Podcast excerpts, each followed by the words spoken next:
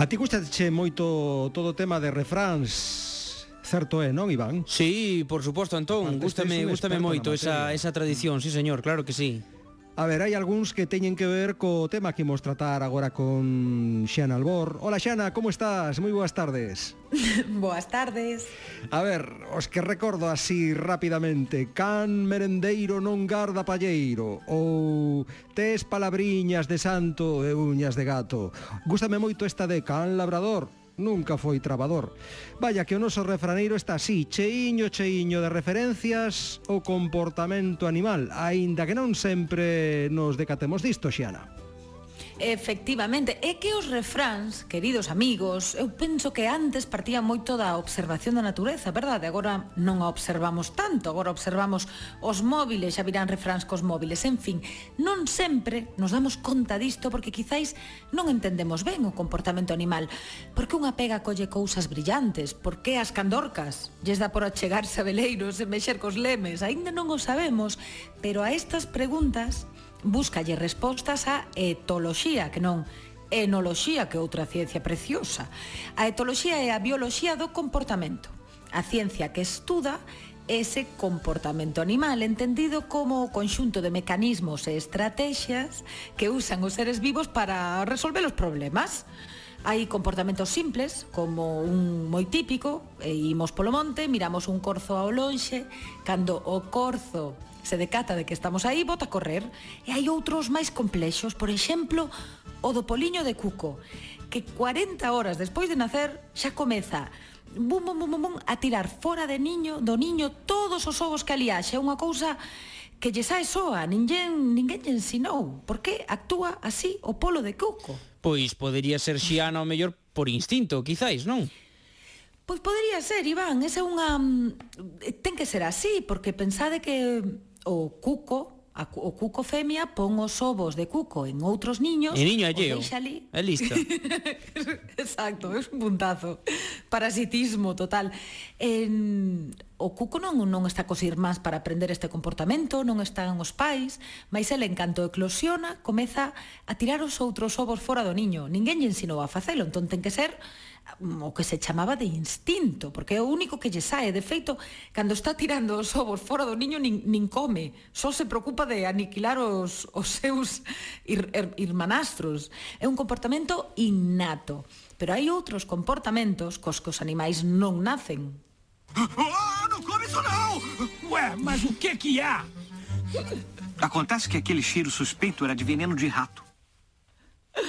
Sabedes que peli é? Mm, Ratatouille. Soy más rata, sí. Xana.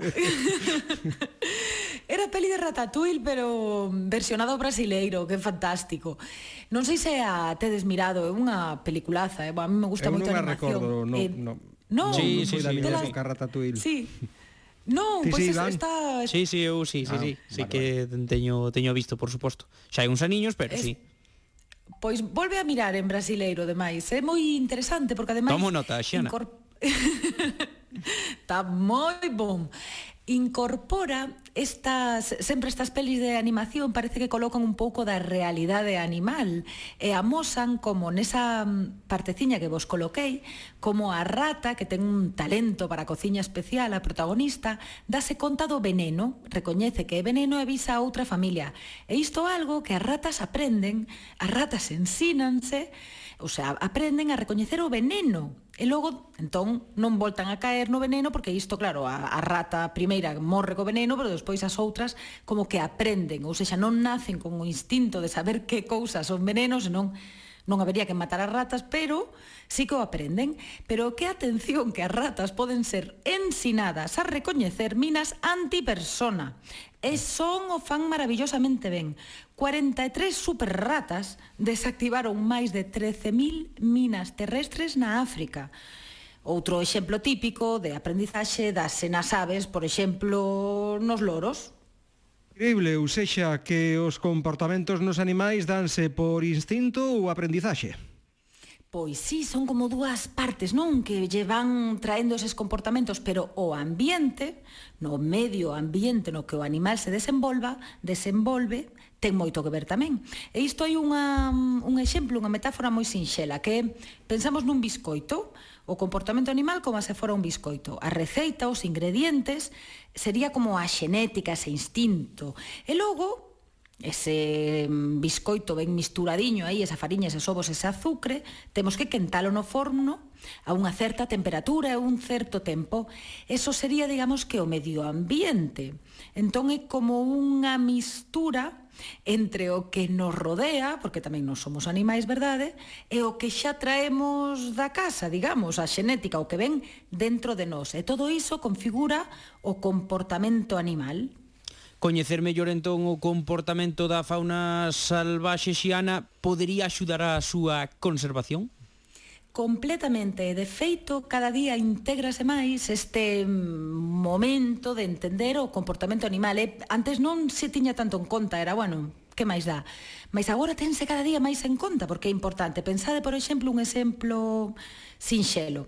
Os lobos, sabedes que o vean para comunicarse, para dicir este territorio meu, ou mesmo para mostrar cariño a outros membros da súa grea. Pois no Zoo de Oakland, na California, que forma parte da Sociedade de Conservación. E ten un lugar no que manteñen lobos. E claro, a xente pode pasar pertiño, mesmo os pode ver de lonxe. E cando a xente pasaba, daballe por ouvear, porque é un clásico, cando te falan dun lobo xa te pos ouvear. En terra de lobos ouvear como a ele, Xiana. ten que ser. ten que ser. Pois descubriron ali a xente do zoo que cando os humanos ou vean lles causa ansiedade aos lobos. entón teñen que buenísimo. Teñen cartéis, por favor, humanos, non ouvear, que isto lles causa estrés aos lobos. E claro, o estrés nos animais é unha cousa moi mala porque lles afecta moito a reproducción. Isto vémolo moito nos mamíferos mariños, os golfiños que ando, pois os que teñen moito turismo que, lles, que os van a ver moito reprodúcense menos intensamente. Un, isto era un exemplo sinxeliño, pero outro máis elaborado, por exemplo, hai un peixe europeo de río, estaba a desaparecer e non se sabía por qué. Estábanse a extraer pedras para a construción ata que descubriron que a este peixiño de río gustaballe poñer os ovos debaixo dunhas pedras de certo tamaño. Entón, se ese, esas pedras dese tamaño se levaban fora do río, os peixes non conseguían colocar os ovos. Que curioso. Bueno, pois sí. Para, para curiosidade, isto que pasou hai tanto tempo, hai máis de 2300 anos, Aristóteles xa describira a loita entre xabaríns macho durante o celo ou a técnica de ocupar niños que leva a cabo o cuco. O comportamento animal xana ten chamado a nosa atención desde aquelas pois caeu, tivo uns séculos que caeu no olvido, logo de, como comentas, de Aristóteles na Grecia clásica, pois olvidouse igual que moitos outras ciencias e logo chegou ese momento do século XVII co rexurdimento de cos moitísimas correntes científicas pero a etoloxía non tivo sorte porque Descartes, o filósofo francés, deulle por dicir que os animais eran como máquinas, así que con coñecer o seu funcionamento e a propia máquina chegaba, non había máis. Hai quen di que se descarte estivese tido un can, outro galo cantaría. Buenas horas, quen teña un can ou un gato como Brais, xa facilmente vai dicir que iso de máquina nada, que aí dentro hai moita cousa. Logo chegou Darwin, xa no 19, que xa sabedes, pois multitude de exemplos de comportamento animal nos que se apoiaba para explicar a súa teoría da evolución por selección natural. E xa finalmente no 1973, Lorenz Conrad, Carl von Frisch e Nico Timbergen levan por primeira vez o Nobel por teres contribuído a crear esta nova ciencia, a etoloxía, que vos ten que soar porque vais ir falando cada vez máis dela. Ata os nosos tempos, no que é unha rama de especialidade en carreiras como bioloxía ou mesmo veterinaria. E para demostralo, traio vos a unha propia veterinaria etóloga, que tocai a miña, que se chama Xiana. E é a primeira vez que temos dúas xianas sí. no mesmo tempo de radio. Xiana Costas, hola, moi boas tardes. Hola, boas tardes, que tal? Estamos encantados aquí con Xiana, sempre coa túa tocalla aprendemos cousas novas e, e divertidas e fascinantes, neste caso do mundo animal. Bueno, ti es Xiana veterinaria etóloga, especializada en comportamento e benestar de cans e gatos. E traballas ademais nunha clínica veterinaria e tes o teu propio servizo de etoloxía.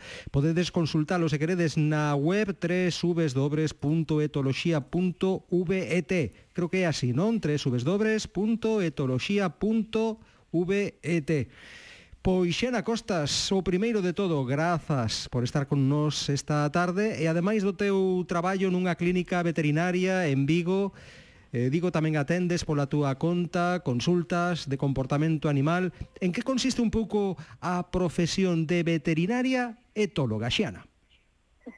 Bueno, mm, antes de nada, moitas gracias a vos pola, pola invitación, estou moi, moi contenta de estar na, na Radio Galega.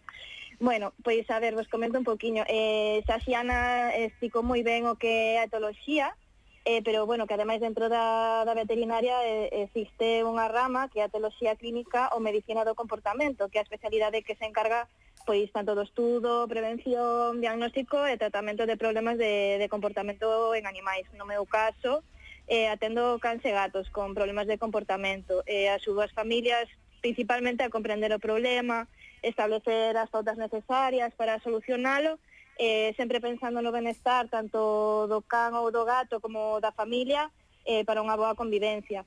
E nada, algúns dos problemas máis frecuentes que, que atendo, que me consultan, son principalmente pois, relacionados con medo, eh, agresividade, ansiedade, eh, condutas destructivas, por exemplo, que fagan as necesidades en lugares inadecuados, pero, bueno, tamén axudo ás familias que acaban de adoptar, por exemplo, un can ou un gato e non saben moi ben como, pois a, a prevenir os, os problemas de, de conducta tamén.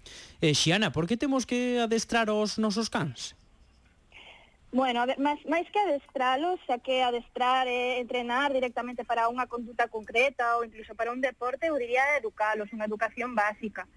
A educación canina é, é básica para unha boa convivencia coa familia e co entorno, Eh, penso que todos os, os, todos os titores de cans deberían saber sobre comportamento, sobre linguaxe canina, eh, como proporcionarles unha, unha educación básica pero é super importante sempre dunha maneira positiva e amable, vale? Que respete o, o, o animal. Eh, insisto nisto porque é unha mágoa, pero o, no mundo canino está aínda cheo de, de mitos contra os que aínda teño que pelexar e os, os compañeros etólogos tamén día a día que chegan a ser causa de problemas de comportamento e, e atentan contra o benestar dos animais, como pode ser, por exemplo, o uso de ferramentas como, como colares de castigo, eléctricos e cousas destas, sí. Xiara.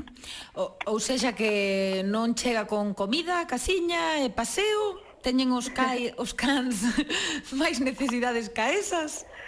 Sí, por suposto. A ver, é máis, tampouco vale calquera tipo de comida, debe ser comida de calidade adecuada para as, as características de, de cada can, e na casa pois teñen que tamén ter pois o seu propio espacio seguro, cómodo, momentos nos que poida disfrutar ca, ca familia de xogo e agarimos tamén Eh, bueno, os paseos tamén importante que sexan de calidade, agradables, que sexa unha boa experiencia, unha experiencia positiva tanto para o can, eh, que poida ser can, que poida facer cousas de can, incluso socializar con, con outros cans, pero tamén ten que ser agradable para, para o titor. E eh, moitas veces isto non é posible porque pois porque o can tira moito da correa, ladra todo, e nada, mm, se me estás escoitando e pasa isto, se pasa isto, eh, é que algo non vai ben, hai que buscar porque está porque pode estar pasando eh, e hai que buscar unha solución, xa que detrás deste tipo de condutas ás veces máis que unha falta de, de educación pode haber problemas de medo ou ansiedade. Pero bueno, maiores disto de comida, casiña, paseos, eh, cabe destacar algo primordial, que é a necesidade de, de estar protegidos da dor, do sufrimento, lesións ou enfermidades.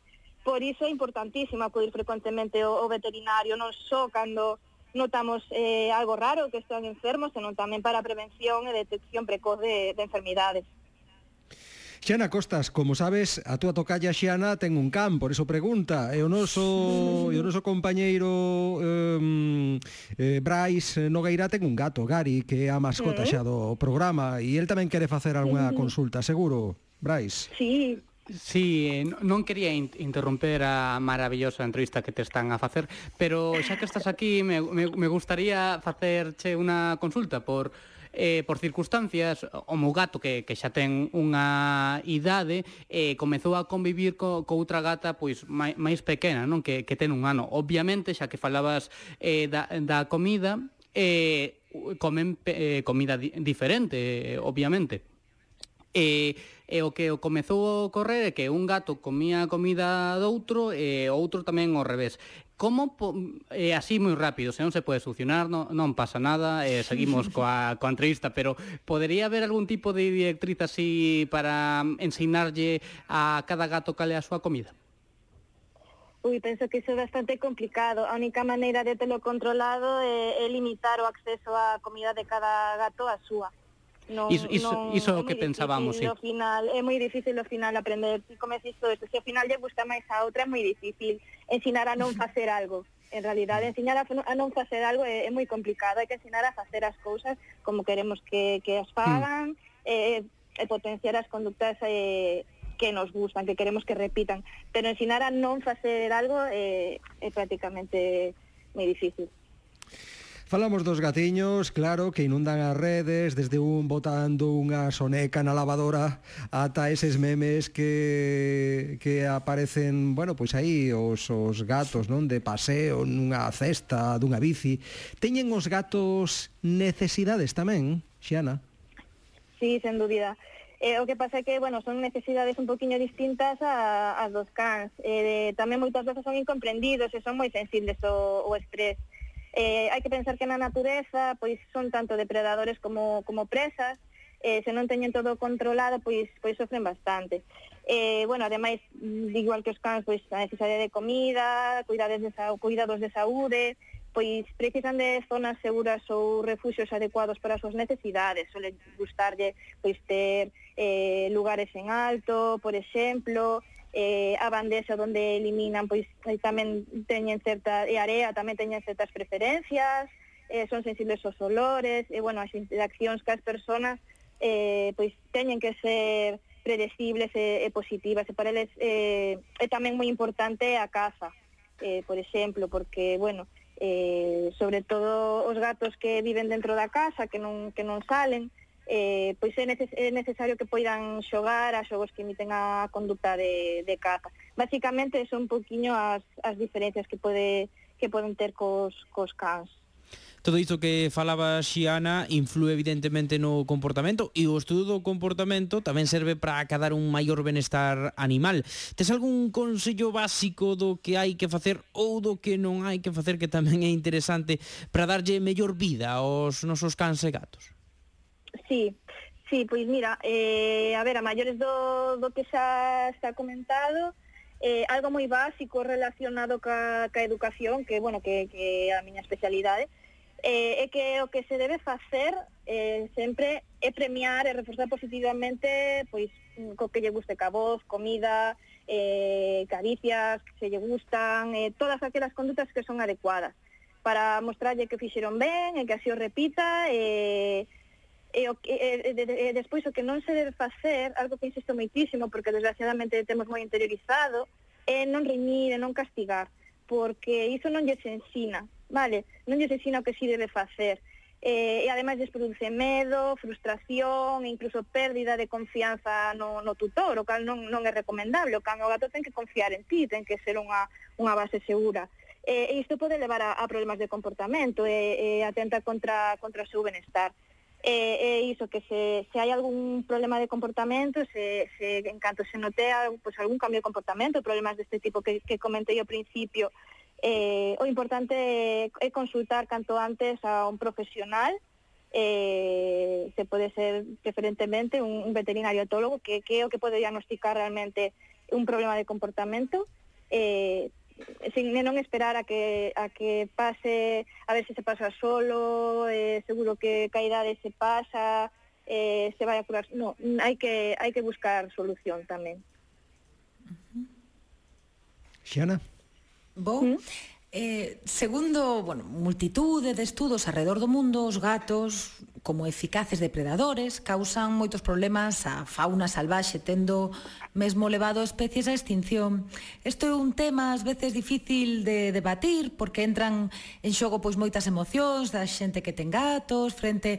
Pero eu teño a certeza de que ten que haber algunha solución. E ti, Xiana, que pensas que podemos facer para protexer a vida silvestre o tempo que temos en conta o benestar animal dos nosos gatos? Mm. Pois a verdade é que esta pregunta, además de, de ser interesante, a resposta é moi difícil. Eh, polo que sei, si, no, eh, polo que sei hai estudos que falan pois, de, deste de impacto, eh, hai outros que, que os datos pois que non saben exactamente se chega a mermar de maneira significativa a poboación da fauna silvestre ou salvaxe, ainda que, bueno, supoño que vai depender do, do entorno ecosistema no que, no que, mm. do que estemos a falar neste, neste momento. En calquera caso, eh, temos que ser conscientes que aquí os gatos pues, pois, eh, levan vivindo co humano miles de anos, eh, un dos motivos polos que xurdiu a mosticación do gato foi precisamente pola protección das colleitas dos, dos roedores, por exemplo.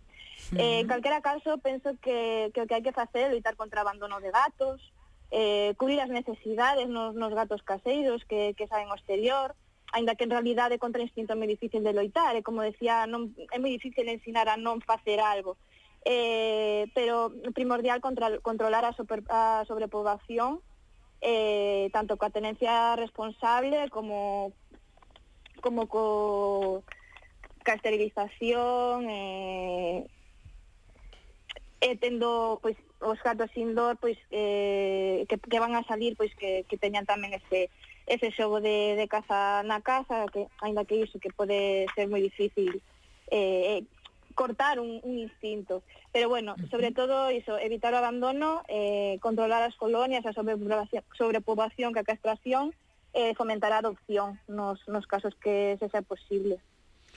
Pois ata aquí chegamos, que mágoa, porque sempre nos falta tempo cando estamos ben a gusto. Xana Costas, foi un placer terte aquí con nos no programa. Déixame lembrar novamente que aquela xente que queira consultar tes esta web www.etoloxia.vet como veterinario, pois aí igual.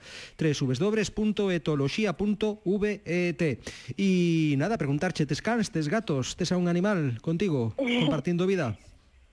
Sí, teño, teño unha cadeliña de 10 anos que se chama ah. Suki, sí. Que ben, bueno, ti tes ca, cadeliña, Xiana, a túa tocalla ten can, eh, Brais ten gato, Iván máis eu non temos nada. Bueno, eu tive peixes, pero me morreron Eu todos. tive mami, mi, teño mami mesmo, e ben me chega. Xa sodes boas pezas, eh, xa sodes boas pezas. Non queres unha tartaruga? Eh... Iván? No, no, no. porque iría ainda máis lento que elas. bueno, lentos, lentos non fomos. Fomos eh, todo rápido que puidemos, pero con sentidiño, eh, estando moi atentos ao que nos contou Xana Costas, que volverá calquera día destes que la queira. Moitas grazas, Xana. Cuídate moito. Un saúdo. Grazas a vos, un saúdo. Ata noguiño. E Xana, a ti ata a semana que ven, o mércores seguimos falando, vale? Coida de vos, chao, chao.